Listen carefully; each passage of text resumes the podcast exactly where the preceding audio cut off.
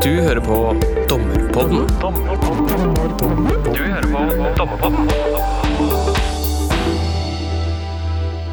Den forrige episoden av Dommerpodden handla om bevistilgang og provokasjoner i sivile saker. Et av spørsmålene som kan dukke opp i den sammenheng, er hvor mye ressurser som kreves for å gjennomgå et større datasett, f.eks. en mengde e-poster eller noe sånt. I den forbindelse så nevnte vi så vidt at det finnes en del forskjellige verktøy for å gjøre den typen gjennomganger, at man eh, i mange sammenhenger kan og kanskje bør eh, få litt hjelp fra en sakkyndig. Um, og etter vårt syn så er det med elektroniske bevis det er et tema som fortjener litt mer oppmerksomhet, så vi bestemte oss for å lage en, en slags bonusepisode om det temaet. Og, og, som vi kommer tilbake til, så har det temaet relevans langt utafor spørsmålet om proporsjonalitet ved begjæringer om bevistilgang. I dag skal vi altså snakke om elektroniske bevis, og hvordan vi forholder oss til store datamengder på en hensiktsmessig, forsvarlig og effektiv måte, og ikke minst hvor vi kan få hjelp når oppgaven blir for stor, og, og hva vi må tenke på når vi ber om hjelp. Vi har invitert, eh, som vanlig, to gjester som kan en hel del om dette. Eh, Lars Wilberg og Christian eh, Theisen. Velkommen hit, begge to. Takk. Takk for det. Så, Lars, du har bakgrunn som eh, politimann og lang erfaring med etterforskning av økonomiske straffesaker og datakrim. Og I dag så er du partner i KPMG med ansvar for noe som heter Forensic Technology. Så har du spesialistkompetanse bl.a. innenfor et fagområde som heter digital etterforskning. Jeg vet ikke om du kanskje kan begynne med å fortelle hva, hva er det egentlig vi snakker om når vi snakker om kompetanse innenfor digital etterforskning?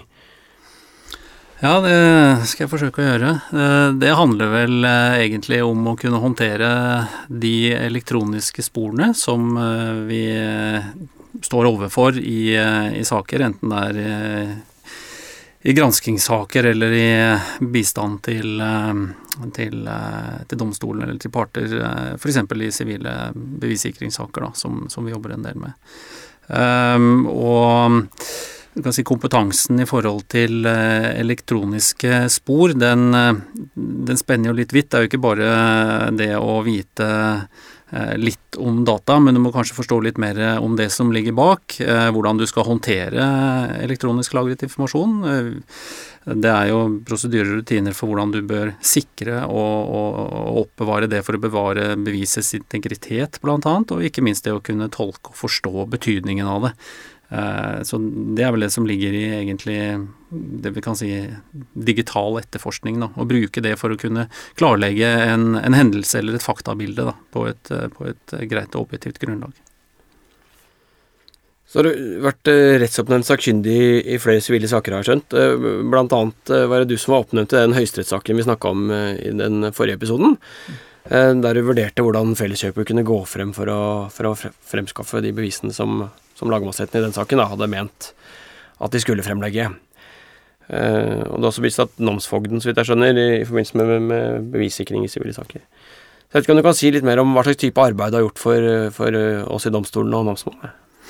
Jo, det er eh, tilsvarende saker som, som høyesterettssaken som du nevner, hvor eh, problemstillingen i det tilfellet var jo kan du si, omfanget av, av, det som skulle sikres, og det er jo en relevant problemstilling som vi står overfor i eh, veldig mange av de sakene som vi bistår inn i. Og det går jo i mange tilfeller på saker som er relatert til sivil bevissikring hvor eh, en part eh, anmoder om, om, om, sikring av bevis hos, eh, hos, en annen part, og domstolen tar stilling til det, og, og det kommer en kjennelse som skal effektueres av namsfogden.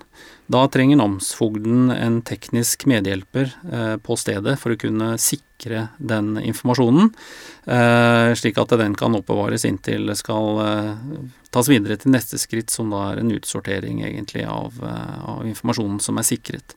Og i dette så ligger det jo flere, flere ledd og, og, og, mange ting som, som, vi bistår de med da, på, på den tekniske siden. Mm. Ja, topp. Bra. Eh, så langt om deg, Lars. Kristian, eh, vi, vi, må snakke litt om deg. Du er eh, siviløkonom, eh, jobba mye med gransking, så vidt jeg skjønner, og, og har eh, jobba i BDO en del år, og, og driver nå for deg sjæl. Um, vet ikke om det var dekkende for din bakgrunn, Kristian? Jo, det er, det er riktig, riktig, det.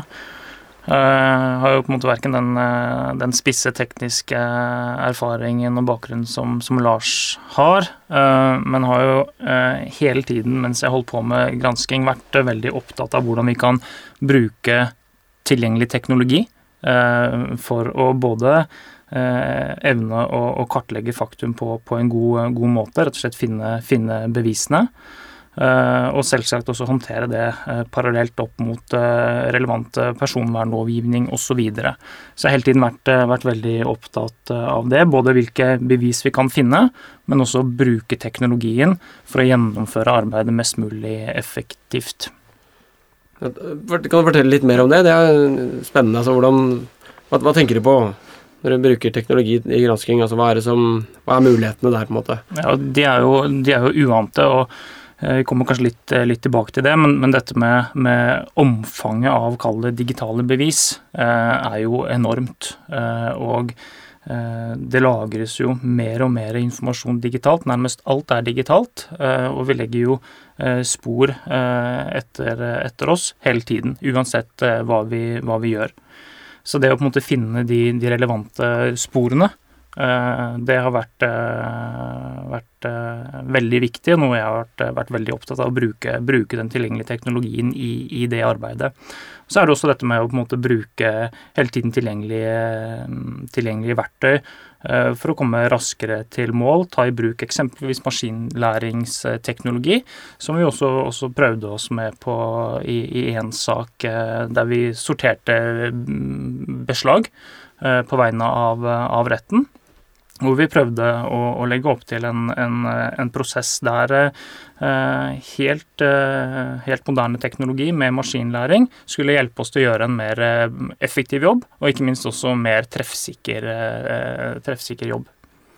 For det var den eh, litt sånn skal jeg si, berømte advokatbeslag-saken, ikke sant? der en advokat var eh, sikta for en, en, rekke alvorlige forhold, og hvor du bisto retten med å gjennomgå de beslagene som var gjort hos ham.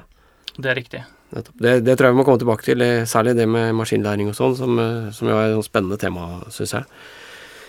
Men eh, takk for det. Da har vi snakka litt om hvem dere er, så må vi vel kanskje komme litt, eh, litt i tak med, med, dagens tema mer konkret. Og jeg tenker at det, det, er åpenbart for meg i hvert fall at det generelt er viktig at vi dommere og, og for så vidt advokatene har en viss bevissthet rundt hva som hva som rent faktisk kan tenkes å finnes av informasjon knytta til en sak eller en problemstilling. Og at vi også veit litt om hvilke verktøy som finnes for å, for å få tilgang til å, å verifisert den informasjonen.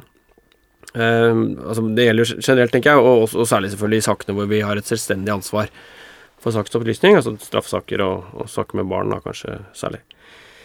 Der må vi selvfølgelig vite noe om hva det går an å få vite, og, og hvordan vi kan få tak i det, hvis vi skal gjøre en informert vurdering av når vi veit nok. Men eh, jeg tenker at dette er et tema som, som også berører oss eh, mer sånn eh, konkret i den enkelte sak, hvis det går an å si det sånn. Kan dere, kan dere si litt mer om liksom hvorfor? Hvorfor er det, skal dommerne høre på denne podkasten, og hvorfor må vi kunne noe om elektroniske bevis? Mm, mm. Altså, hvis vi bare kan fortsette litt på, på der, vi, der, vi, var innledningsvis, så er det dette med, med, med både hvilke mulighetsrom som, som ligger der. Altså, nesten uansett hva vi gjør, så etterlater vi oss en stor mengde elektroniske bevis.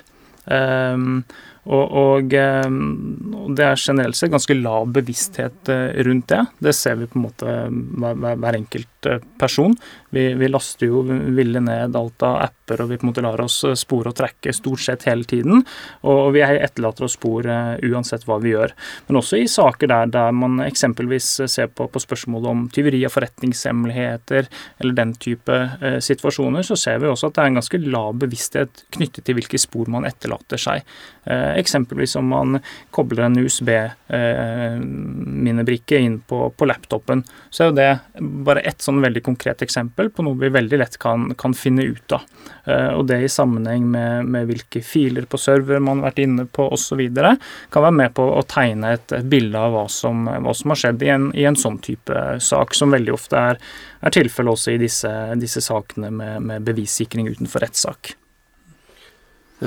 Ja, altså, Helt riktig som, som Christian sier her. Og, og hvis du setter det perspektivet opp imot uh, uh, de vurderingene som dommeren må gjøre fordi i, i mange av sakene så, så ønsker man jo eh, fra, fra, en eller annen part å få belyst mest mulig, og det være seg kanskje i, i en ja, Tilbake til bevissikringssak, da, hvor dommeren får på bordet sitt en, en begjæring hvor selvfølgelig den saksøkende part da ønsker å favne så bredt som mulig.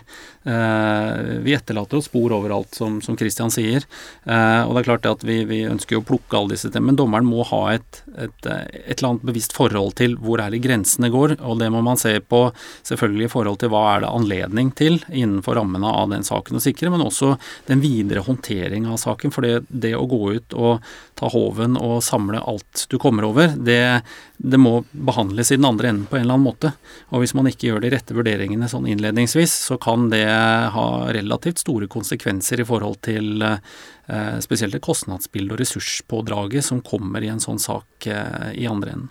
Fordi du får et, eh, et, en uhåndterlig datamengde da, egentlig i andre enden? Ja, og det er jo, det er jo eh, et av problemstillingene f.eks.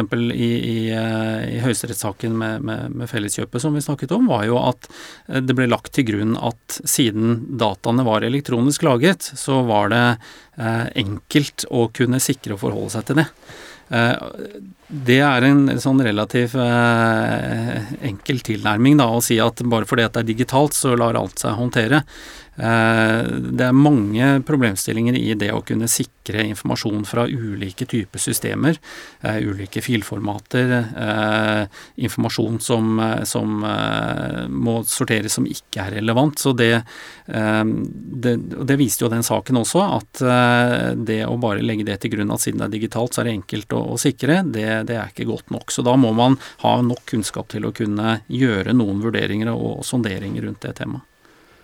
Det er veldig intuitivt for meg. Jeg, strever med å finne hvis jeg leter etter en mail jeg fikk for et par uker siden. Det er jo ett filformat og, og skulle være ganske enkelt, så, så, strever jeg ofte med det. Så jeg vet ikke om det sier noe om min kompetanse på å gjenfinne data, eller om det er. Men, men, men det er åpenbart at, at uh, i bevissikringssaker så er det viktig å kunne en del av dette. Både når vi beslutter bevissikring, uh, men også selvfølgelig i den løpende prosessen etterpå når man skal gjennomgå det beslaget som er gjort. Um, så har vi vært innom um, dette med proporsjonalitetsvurderingen ved bevisprovokasjoner, det som vi for så vidt snakka om i den forrige episoden, og det som du, den jobben du gjorde, Lars, for Høyesterett. Um, og så tenker jeg kanskje at det sånn siste område hvor dette er viktig for oss dommerne, er, er der hvor uh, politiet ønsker å ta beslag i, i advokatmaterialet, uh, altså harddisken til en advokat, uh, hvor da virkeligheten, nær sagt dessverre, er sånn at da er det rettens oppgave å gjennomgå de harddiskene, og da eh, må vi jo ofte gå gjennom ganske mye data, mm. som er vanskelig. Mm. Eh, for da får du jo typisk en speilkopi. Eh, så, så, jeg vil tenke at det, det er viktig, og og, det, og det, det er jo en, en eh, Christian var så vidt inne på det også. På en speilkopi, f.eks. hos eh, et advokatselskap hvor du har gjort et beslag, så ligger jo eh, alt mulig rart av, av annen type klientinformasjon. Ofte så er kanskje saken konsentrert om om én klient, eh, kanskje to-tre, men eh, i den korrespondansen så kan det ofte ligge kanskje omtale av ulike klienter i samme eh, f.eks. e-postrekke.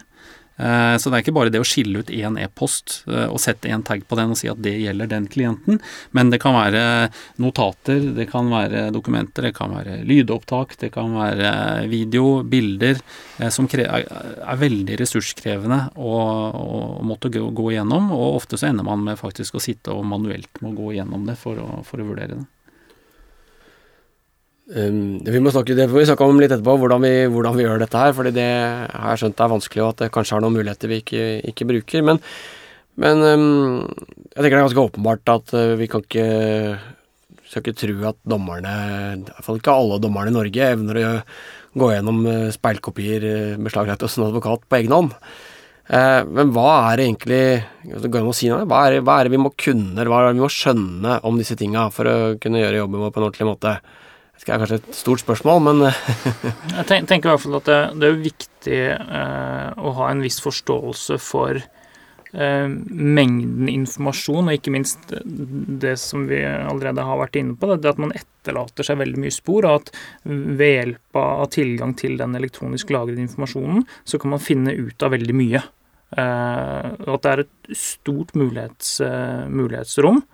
Uh, og ja, det har helt åpenbart en del krevende sider ved, ved seg, eksempelvis når det blir så store datamengder som i, i denne, denne, saken som vi har snakket om i, uh, som, som, Lars var sakkyndig i. Uh, men, men, særlig i saker som er på en måte kanskje litt mindre karakter, som kanskje er mer normalen, så, så kan man få veldig god hjelp ved å på en måte bruke de, de riktige verktøyene. Eh, da kan man klare å ha en langt mer effektiv eh, gjennomgang av, eh, av materialet. Komme, komme, raskere til, til, til mål. Det, det, tror jeg kanskje er liksom Ja, og jeg tror og for en i, i, i sakkyndigstolen, da, så er jo vårt arbeid det er jo hengt opp i et mandat. Og jo tydeligere det mandatet er, jo enklere er det egentlig å utføre den eh, jobben. Og der kommer utfordringen tilbake til dommeren hvis eh, man ikke har nok kunnskap om, eh, om temaet. Eh, det er viktig med, med saken og hva, hva, saken omhandler, men også eh, å ha et, eh, en forståelse av hva, hvilken informasjon som skal gjennomgås. Hvis det blir diffust, så vil det resultere i at den sakkyndiges arbeid blir mer krevende, og igjen vil det påføre mer ressursbruk og, og kostnader i andre enden. Så det, og det, sakene skal ikke være så veldig store før det, det baller på seg. Jeg sitter med en sak nå som ikke er all verdens stor, men allikevel hvor sakkyndigmandat som er gitt, er relativt åpent i forhold til å kunne identifisere ting som er eh, brudd på lojalitetsplikt eh, og, det, og, den type ting. Og da, da, da, må du som sakkyndig også kunne sette deg inn i eh, hva eh, sakens kjerne egentlig gjelder, for å kunne vurdere det innholdsmessige i informasjonen. Og da, da begynner jo timene å gå fort Eh, også i forhold til å kunne få konkret eh, et mandat hvor du skal identifisere den og den type eh, dokumenter, filtyper, kommunikasjon mellom X og Y osv. Så, videre. så presisering i mandat er en, en veldig viktig forutsetning. Mm. Og Det også kan tillegge særlig disse bevissikringssakene. da, Så er det som, som Lars sa, at at man tar jo gjerne utgangspunkt i, i det som, som saksøker har da bedt om.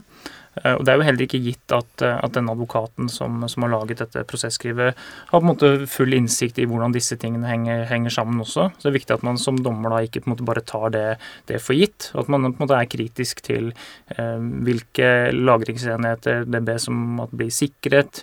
Eh, hva er det snakk om kun ting som gjelder en virksomhet? Eh, hvor langt i, i privatsfæren går man? Det er jo mange av disse, disse bevissikringssakene hvor man både er ute hos virksomhet, og man er kanskje hjemme hos en, to, tre og fire privatpersoner eh, og skal hente, hente lagringsmedier også hjemme, hjemme, på privat adresse.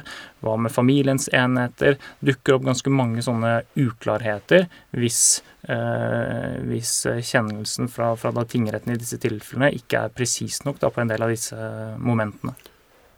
Altså, åpenbart lett å se for seg også at hvis man er litt for ukritisk, så kan man ende opp med, en, med, en, med mye, mye, å gjennomgå i etterkant. Ja. Ja, også at man kanskje trekker det, trekker det for langt uh, ut ifra det opprinnelige, da. Eh, ut fra hva saken forsvarer, egentlig. Ja. Nettopp.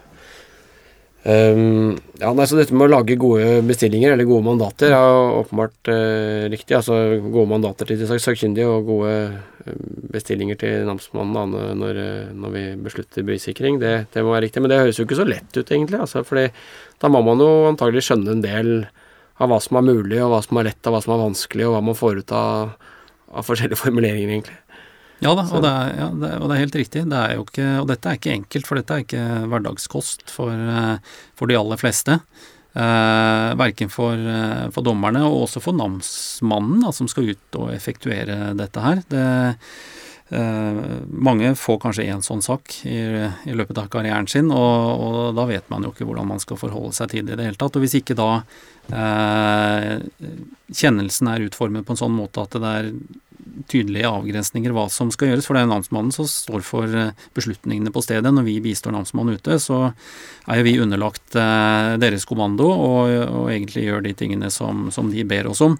Eh, og så er det jo i realiteten sånn at de er nødt til å lene seg på vår fagkompetanse når det gjelder praktisk gjennomføring og omfang i mange tilfeller. Heller ikke uvanlig at man kanskje må gå tilbake til, til, dommeren og be om avklaringer. Vi prøver å gjøre det i forkant ved å ta et planleggingsmøte med namsmannen for å peke på Eh, ting i kjennelsen som kanskje bør avklares i forkant, sånn at selve gjennomføringen på stedet skal gå veldig smidig. For det er en, egentlig en forutsetning for at det skal være en, en suksess.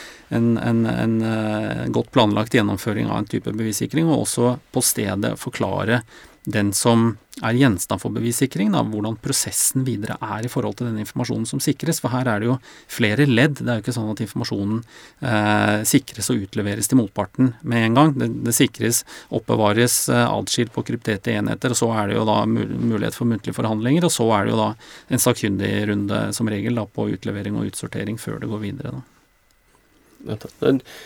En ting er jo den kjennelsen, det, da sitter jo dommeren kanskje litt aleine. Men når man oppnevner en sakkyndig til å hjelpe seg, så kan man jo kanskje få litt hjelp av den, den som skal oppnevnes, til å lage et mandat som gir mening, da. Mm. Eh, at man kan liksom diskutere litt. Jeg vet ikke om det opplever, gjøres det? Eller? Ja da, det er ofte det. At. Eh, vi bistår i utformingen av mandat. Lages et utkast, og vi får den til innspill, og kommer med med, med, presiseringer i forhold til hva som er praktisk gjennomførbart og, og og egentlig hele prosessen, hva som er god praksis, sånn at dette skal gjøres på, en, på best mulig måte, også ved bruk av de riktige systemene. Ålreit. Mm. Kristian, um, du var litt, litt innom um, dette med liksom en, en trend om at vi får en økende datamengde. Jeg vet ikke om du vil si noe mer rundt hva som liksom Hva slags trender som, som vi ser på dette området, eller, eller tenker du at det er først og fremst det med at det er stadig mer data? Nei, så Vi vil jo si at, at det er åpenbart stadig, stadig, mer data, og også det at vi, vi, etterlater oss stadig mer elektroniske spor. Vi beveger oss eh, fra eh, ulike kommunikasjonsplattformer til andre. Eh, der vi så kanskje for, for, en del år tilbake at eh, e-postkassen eh, typisk inneholdt mye viktige bevis. Eh, så gjør den kanskje ikke det lenger. Nå er det mer eh, kanskje chatten i Messenger eller lignende apper, eh, hvor vi finner, eh, finner, kanskje de mest relevante, relevante bevisene. Så, så, det bildet mm, endrer seg, men, men, felles er jo på en måte at, det, at det blir mer. Og så er det selvfølgelig dette som har kommet særlig de siste, siste årene. Det er jo dette med skylagring, eh, som jo på en måte har, har, medført ganske store endringer i arbeidet med å, å både få tak i informasjonen eh, og, og sikre, sikre, den. Det kan jo sikkert Lars eh, si, si litt, eh, litt, mer om. Men det er klart at eh, det er Eh, en stadig større mengde informasjon som ligger eh, lagret i det man, man kaller, kaller, sky, eh, som, som, gjør at, at den mer kall det tradisjonelle måten å sikre dataene på, ikke kan gjøres på samme måte. Mm. Stemmer det. Og det er det, det, skaper utfordringer, men også bringer det noe positivt med seg. For mye av, løsningene som folk går over på nå, store skyløsninger, de har ofte en eller annen funksjonalitet i forhold til eh, å kunne sette på f.eks. Eh, eh, noe som, som, gjør at ikke du kan slette informasjonen i forkant, og også sikre den på en, på en, på en god måte. Da. Eh, så, så, det ligger inni eh, som en funksjonalitet blant mye av disse plattformene. Så det, det kan jo gjøre jobben litt lettere. Men volumet, som Kristian sier, det, det, øker jo bare. Eh, så det, det må vi bare forholde oss til. Det er helt åpenbart at det gir noen, noen muligheter, men hvis vi skal være negative og snakke om, om, utfordringene her, og det åpenbare utfordringen er at du da får et datasett som et menneske vanskelig kan gjennomgå og sette seg inn i, eller iallfall orientere seg i.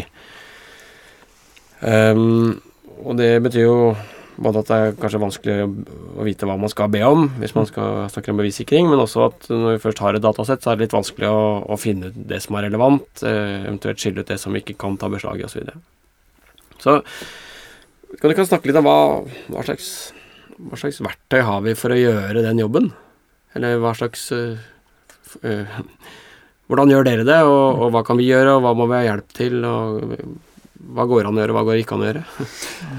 Ja, i, i, hvis vi snakker om uh, skylagringstjenester, så er det mange i dag som har tilknyttet seg eksterne driftsleverandører. Uh, mye av det arbeidet vi gjør, er ofte i samarbeid med en ekstern driftsleverandør. Vi vil jo nødig stupe inn i en virksomhetssystemer og, og og begynne å rote med ting som, eh, som, kan være kritisk for virksomheten. Det er jo en, en, eh, forutsetning at dette skal gå så smidig som mulig. Eh, så da samarbeider vi med en ekstern IT-leverandør f.eks. om eksportering av data. De kjenner systemene sine, og de kan gjøre dette på en, på en god og sikker måte under veiledning fra oss. Så har vi et ansvar for å kunne dokumentere Eh, kan du si, dataenes eh, tilstand og integritet fra det tidspunktet vi sikrer det. Og da må vi bruke spesielle verktøy. Så hvis i den grad vi er nødt til å hente data via en, en tredjepart f.eks., eh, så får vi trukket den ut, og så gjennomfører vi en, en type speilkopiering av dataene. Dvs. Si at vi sikrer det på en måte slik at vi har en mulighet til å kunne dokumentere hvordan de dataene så ut på sikringstidspunktet senere gjennom et elektronisk fingeravtrykk, en typisk hash-verdi eller lignende. Så det, det er eh, Og det, det er jo god metodikk. fordi at det arbeidet som vi gjør, eh, både når vi sikrer og når vi senere gjør en sakkyndig arbeid, så skal vi kunne gå tilbake til utgangspunktet ved å si at dette var slik dataene så ut når vi begynte. Eh, her har det ikke vært noen inne og rotet med data eller manipulert data. Eh, vi er avhengig av å kunne dokumentere det på en måte. Da må vi bruke spesielle sikringsverktøy i, i de prosessene. Eh, og dokumentere dette i form av type chain of custody-skjemaer som vi har. Logger som vi fører hvem som har tilgang til informasjonen hvor, og hvordan den er oppbevart. Sånn at vi hele tiden kan trekke og spore og dokumentere dette senere. Og, så er det jo, ikke sant, når, når, man da har gjort den jobben, så har man jo kun sikret dette her. Og så på et eller annet tidspunkt i, i ulike sammenhenger så skal man jo se på dette her. Um, og da er det jo liksom sånn øh, litt forenklet, da, så får Lars korrigere meg, men så er det jo liksom Det ene er jo eksempelvis en, en laptop, eh, hvor man ønsker å undersøke hvordan har den laptopen vært benyttet, har det vært koblet til noen USB-enheter, nå var man tilknyttet til ulike nettverk, eh, og måte finne informasjon om brukeraktiviteten på, på en laptop. Da bruker man gjerne én type, type verktøy til det.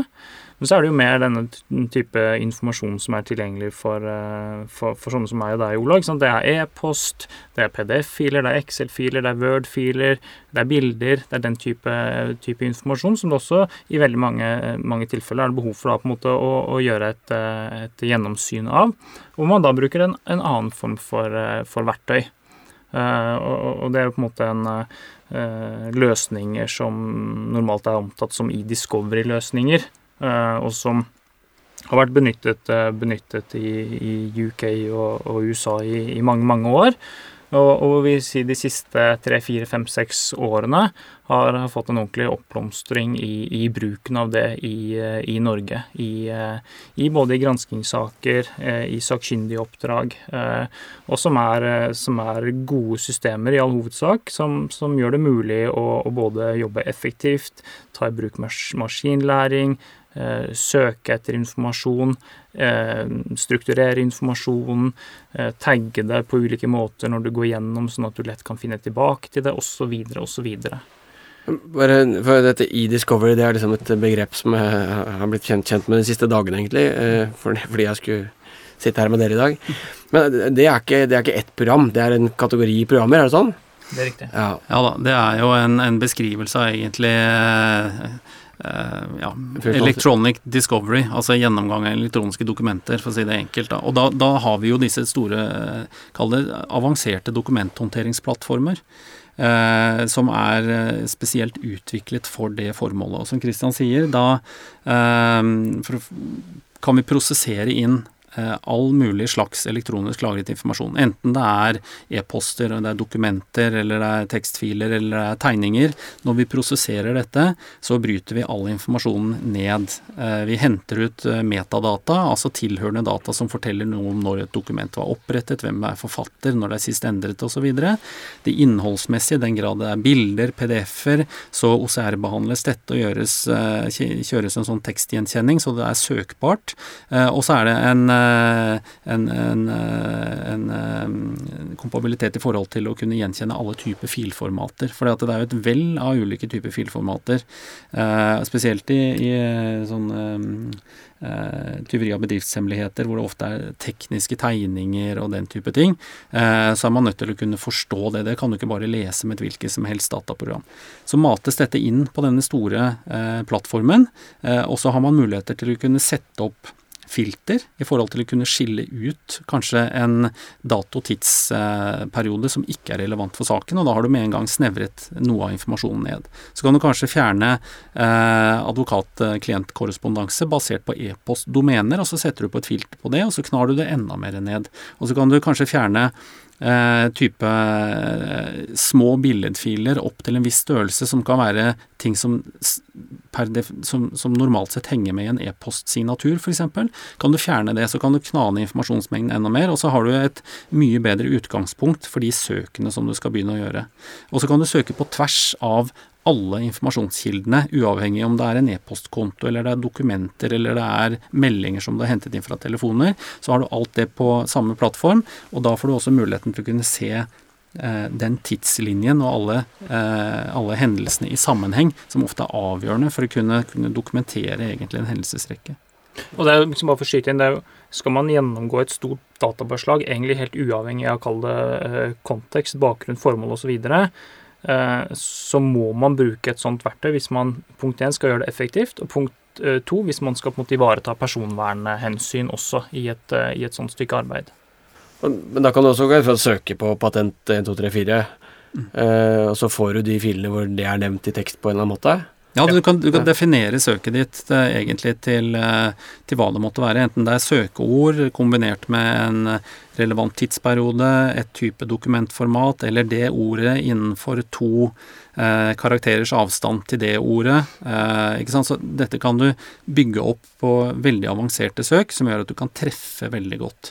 Eh, det forutsetter at du du vet egentlig hva du leter etter. Så det de andre sakene som Kristian sier, hvor du egentlig ikke vet. Eh, hvor du er mer på sånne der, eh, konseptuelle søk, hvor du må la maskinlæringen kanskje gi deg et førsteutkast, for da kategoriserer den informasjonen basert på f.eks. her er alle e-poster som har noe med strikkeoppskrifter å gjøre, her er kokeoppskrifter. Så klarer den å tolke det innholdsmessige, og så lager den clustere med filer som hører til hverandre. Og så kan man begynne der. Det er jo typisk hvis du leter etter nåla i høystakken ikke har peiling på hvor du skal begynne, så kan det være en måte. Men det beste utgangspunktet er jo å kunne spisse dette noe. Da må du gjøre en filtrering litt i forkant for å fjerne det som ikke er veldig relevant. Og så kan du også bruke en metode hvor du er enda mer spisset, men fortsatt bruker maskinlæring, og det er å trene opp systemet. Hvor du har et, lager et type master dokumentsett på noen veldig relevante dokumenter når du begynner å klikke deg gjennom.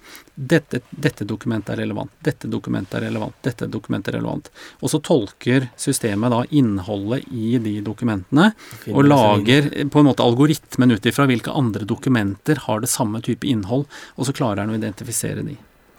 Og, det er jo usedvanlig spennende, og, og, og, det var jo også noe vi, vi, vi gjorde eh, i denne, denne, saken som du, du nevnte tidligere. Eh, knyttet til dette store advokatbeslaget. Eh, vi på en måte prøvde å, å nettopp lære opp systemet til å finne ut av hva det var beslagsforbud på, eller hva som, som ikke var omfattet av, av, beslagsforbudet. Og Det ble også på en måte behandlet av, av Høyesterett, akkurat den, den problemstillingen der med, med et eh, jeg synes, ganske interessant resultat. I den forstand at de eh, ikke aksepterte den fremgangsmåten eh, akkurat eh, der, for de mente at man, den, den, ble ikke treffsikker nok. Men, men, i hvert fall sånn som jeg tolker, eh, tolker eh, kjennelsen, så så åpnet man opp for at så lenge eh, det, det endelige resultatet blir godt nok, så er det ikke nødvendigvis noe i veien for at man, eh, man kan eh, la maskinen ta, ta, mye av jobben. Så, så, jeg tror på en måte dette med bruk av maskinlæring i norske domstoler, jeg tror det kommer eh, raskere enn en hva vi kanskje tror. Dette på det, jeg tenker jo Disse advokatbeslagene, der har det vel liksom tradisjonelt eh, vært sånn at det, eh, det har vært et manuelt arbeid. Man har liksom gått gjennom alle saksmappene eller hva det er, eh, eller e-postene kanskje, og sett det, det kommet, og etter hvert så har det blitt en helt sånn uoverstigelig oppgave, eller som i hvert fall krever en helt sånn absurd innsats fra, fra mennesker. Jeg, um, I den advokatsaken så så leste jeg et eller annet sted at uh, du da har brukt omtrent 20 000 timer. Rettens medhjelp har brukt omkring, omkring 20 000 timer. Sånn som er 11-12 normale årsverk. Det er jo øh, ganske upraktisk. Og jeg er helt enig med deg, sånn jeg leser den øh, kjennelsen fra Høyesterett, så er jeg enig at det ser ut som de åpner for fullt ut automatiserte prosesser der. Så er det riktignok et ganske strengt krav. Da. Det, så det avgjørende må mm. være om det er gjort et arbeid som tilfredsstiller de strenge kravene som er oppstilt, og jeg oppfatter at det det må da nærmest være vanntett at det ikke kommer noe ut som er uh, beslagsfritt. Men, men, det er spennende, men funker de altså denne maskinlæringen, funker det liksom? Eller er, det, er dette liksom mer sånn fantasi enn realitet? Nei, nei, det brukes jo i både, vel, altså både eh, amerikansk og britisk rett, vel, og også australsk rett, tror jeg, og sikkert mange andre steder også. Og, og eh, i hvert fall mye av den uh, det, det, vi har lest rundt forskningen på dette, her, viser jo ganske klart at, eh, at maskinlæringen er eh, mer presis enn en når vi mennesker gjør, gjør, den jobben, når det blir eh, store mengder. Vi gjør feil, vi også, hele tiden. Mens maskinene har ofte en, en, en evne til å ikke, ikke bli, bli, sliten når du har sittet med samme oppgaven i, i, i åtte timer og, og, du helst vil, vil gå hjem. Men, men, men, det er, men, det er, uh, jo fortsatt sånn at uh, det, er, det, er, ikke noe Det er ikke noe sånn der wonder-button å trykke på ennå. Altså, du kan ikke bare trykke og si at nå skal jeg ha uh, all den informasjonen og tro at du får ut alt det som er relevant. Det er ikke så veldig lenge siden, tror jeg, at en av de første sakene ble akseptert fullt ut i USA på akkurat dette området, så det har jo vært en prosess. Og jeg tror kanskje enn så lenge at det er, nok, det er litt sånn prematurt å si at hvis bunker bare kjører det hele veien. Det må nok en, en type kvalitetssikring til, men i kombinasjon for å lette arbeidet og, og, komme lettere i gang og komme fortere til målet, så tror jeg at det er absolutt eh, veien å gå. Men, men dette går fra en ting folk som dere og andre som kan oppnevnes som sakkyndige, kan, eh, kan hjelpe oss med da, å forstå mulighetene, går ut fra. Absolutt. Og, og, det er klart, den, den, advokatsaken, hvis vi bruker det uttrykket, den, den, er jo spesiell med tanke på det, det, strenge regelverket som er der. Men du kan jo tenke andre saker, da, mer sivilrettslige saker, hvor man kan på en måte kanskje bruke, bruke den tilnærmingen, da. Om Det ikke er fullt så farlig om du, ja. om du har noen lekkasjer eh, ja. eller sin, for, for, noen resultater som ikke er relevante, f.eks. Ja. Nettopp.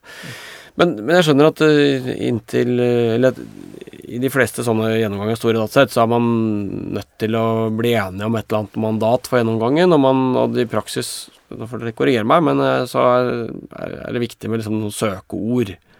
Er det og, og en sånn praktisk La oss si den advokatsaken, da, Kristian. Så hvordan er det man kommer fram til de søkeordene man skal bruke? Er det liksom Sitter partene seg ned sammen sakkyndig, eller hvordan, hvordan skjer det der?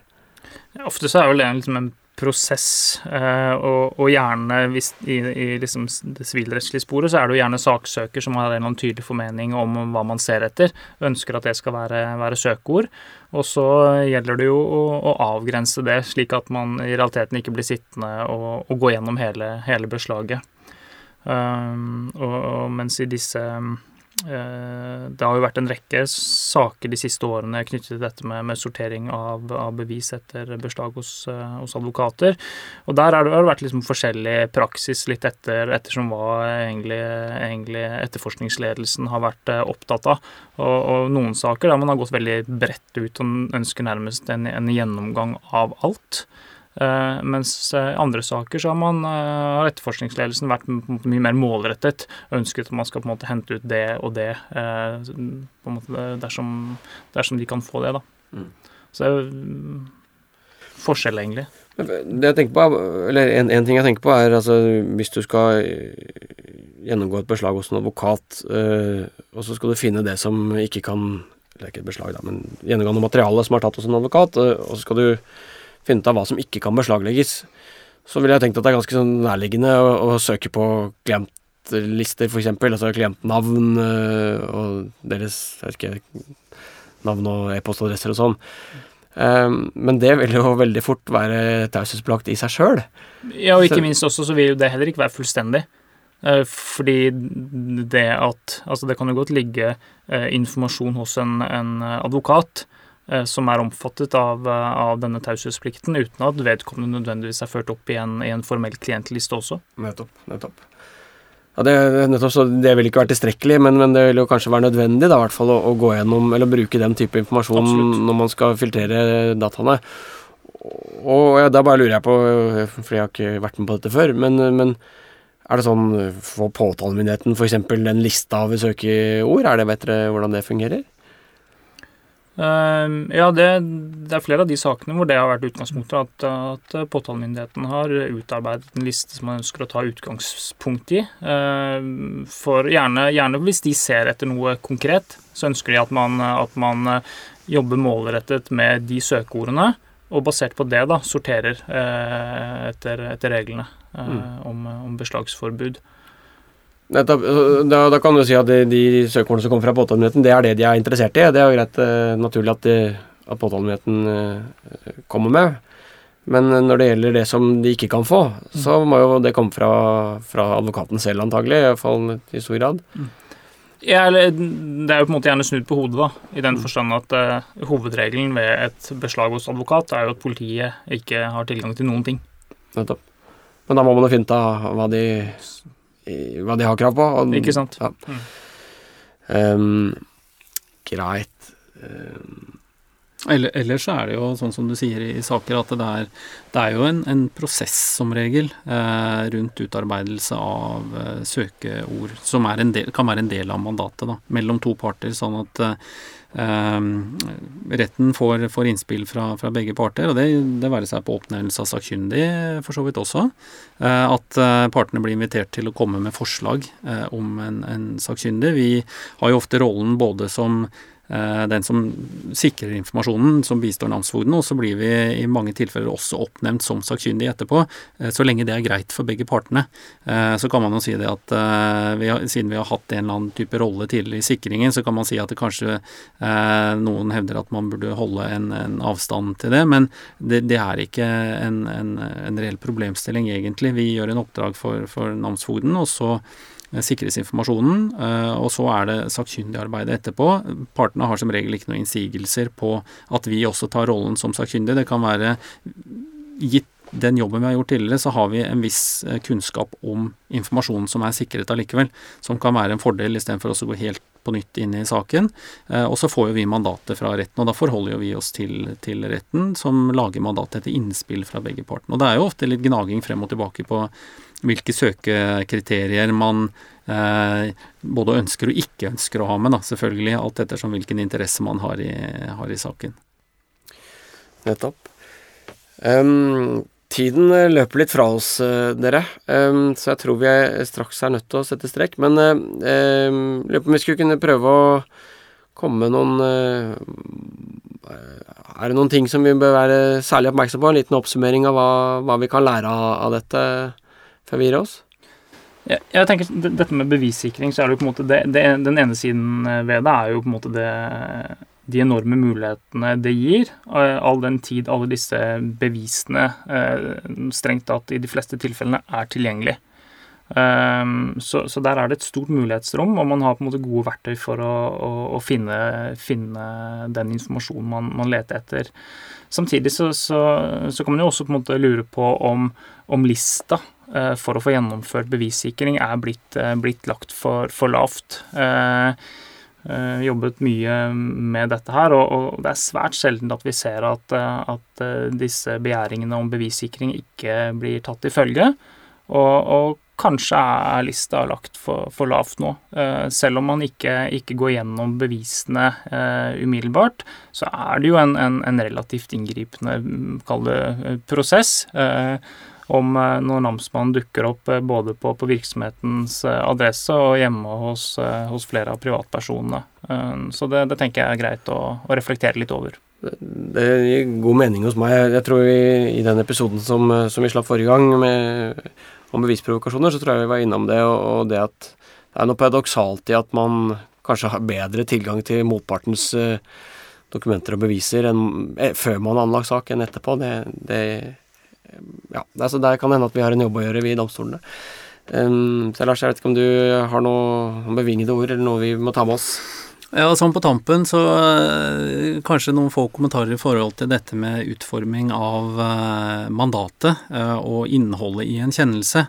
At man bør ha et bevisst forhold til det som ja, de, de, instruksene som gis da, i en kjennelse som skal effektueres av, av, av namsmannen, når man ser på eh, omfang eh, og, og, og, hva det bes om, egentlig.